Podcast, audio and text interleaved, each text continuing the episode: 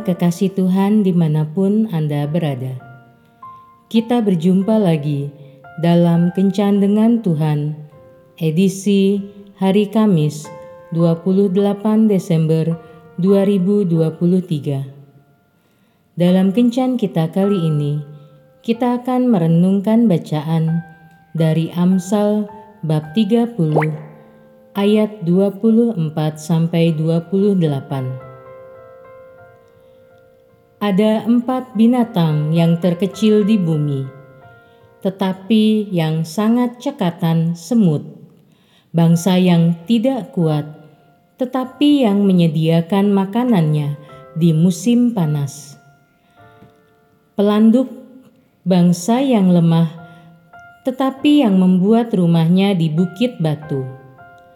Belalang yang tidak mempunyai raja namun semuanya berbaris dengan teratur.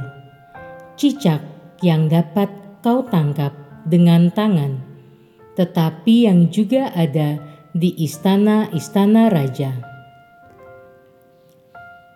Para sahabat kencan dengan Tuhan yang terkasih, kecil-kecil cabai rawit merupakan peribahasa Indonesia yang artinya meskipun kecil, tetapi memiliki kemampuan, meskipun kecil tetapi cerdik.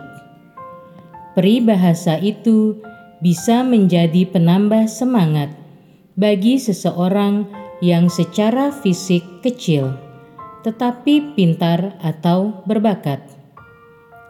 Peribahasa itu juga bisa menjadi peringatan bagi seseorang yang suka meremehkan orang lain Selain itu, mengingatkan semua orang untuk tidak menilai orang lain dari fisiknya saja.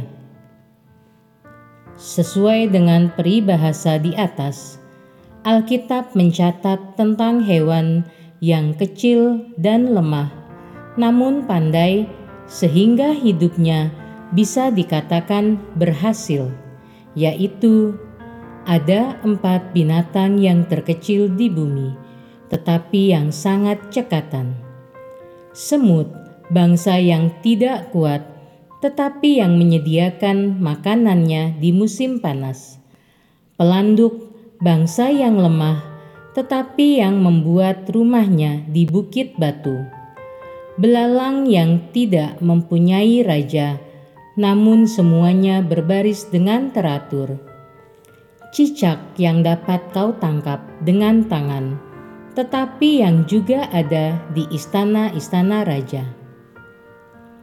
Kecerdikan semut terlihat dalam mengantisipasi masa depannya, yaitu dengan menyiapkan makanan di musim panas, karena di musim dingin mereka akan kesulitan mendapatkan makanan.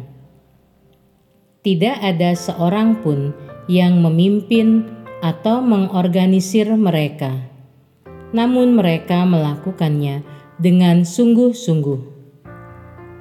Kecerdikan pelanduk terlihat dalam upayanya mencari tempat tinggal yang aman, jauh, dan tersembunyi dari binatang yang akan menyerangnya.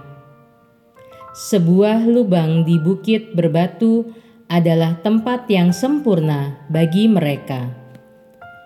Kecerdikan belalang terlihat dari kerjasama dan kerapiannya saat membentuk barisan yang menjadi semacam tim yang siap melahap gandum atau padi.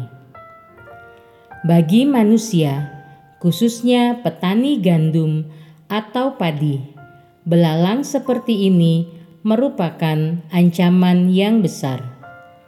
Kecerdikan cicak terlihat ketika mereka sabar menunggu mangsanya dan rela memanfaatkan kesempatan untuk berada di tempat yang tidak bisa dimasuki sembarang orang atau hewan lain. Bukan suatu kebetulan kalau Tuhan menciptakan binatang-binatang dengan kecerdikan seperti itu. Maksud Tuhan ketika menciptakan binatang-binatang tersebut adalah supaya manusia bisa belajar dari mereka. Oleh sebab itu, marilah kita mempersiapkan diri untuk menyongsong masa depan kita dengan belajar dan bekerja dengan rajin serta hidup hemat. Marilah kita menjadi orang yang bisa bekerja sama dengan orang lain. Sabar ketika harus menanti berkat Tuhan dan mau menggunakan kesempatan yang diberikan Tuhan secara maksimal.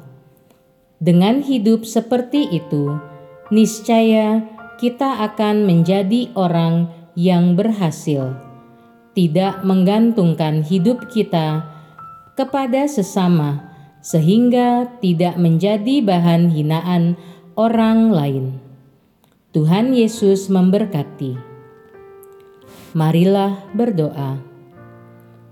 Tuhan Yesus, mampukan aku melakukan hal-hal yang membuatku sukses sehingga aku bisa hidup mandiri, bahkan menjadi berkat bagi orang lain.